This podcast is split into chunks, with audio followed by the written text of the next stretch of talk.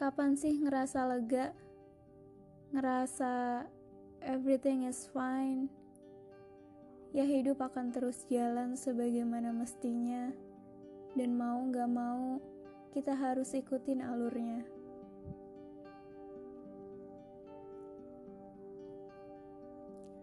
Karena kita gak bisa apa-apa kecuali berusaha.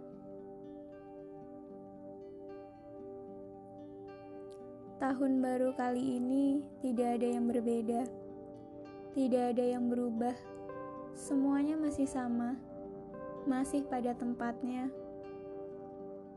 Mungkin semangat yang pelan-pelan hilang entah ke mana, entah hilang di hari-hari sebelumnya, entah saat aku gak bisa nerima apa yang ada di depan mata.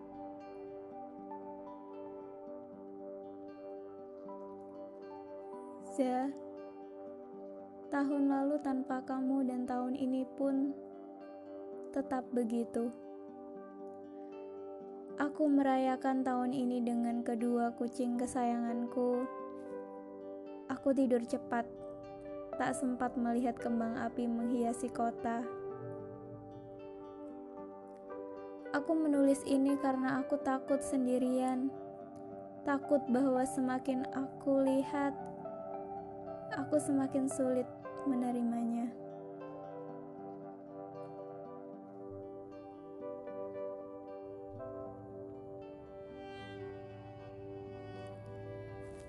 Aku tidak lagi merasakan apa-apa. Za, aku gak bisa marah sama dunia karena aku bahkan Gak bisa nerima apa yang terjadi sama aku 12 tahun yang lalu. Aku bahkan gak bisa nerima kenyataan itu sampai sekarang. Padahal itu yang paling nyata di depan mata aku. Tahun demi tahun itu gak bisa buat aku memaafkan dan mengikhlaskan semuanya gitu aja. Mungkin itu sebabnya aku kesulitan menerima diriku sendiri apa adanya. Mungkin itu sebabnya mengapa aku selalu bermimpi ketakutan. Iya, Zah. Bahkan dalam mimpi pun aku sulit untuk tenang.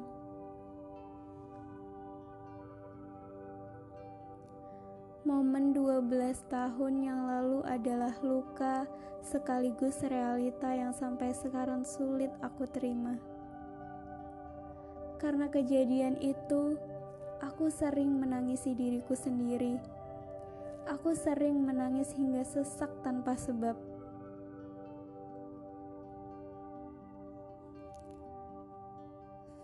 Dan sekarang, aku mau jujur aja bahwa aku sampai sekarang masih belum bisa menerima semuanya, dan aku mengutuk hidup sekaligus dunia yang gak pernah memihak kita.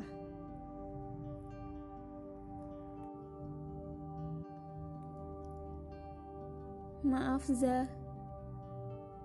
Maaf, aku hanya ingin bercerita padamu karena cuma kamu sahabat sekaligus teman berceritaku.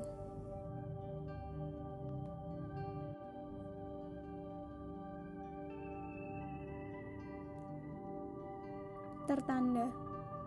Ana Sahabat yang sudah lama menyayangimu juga.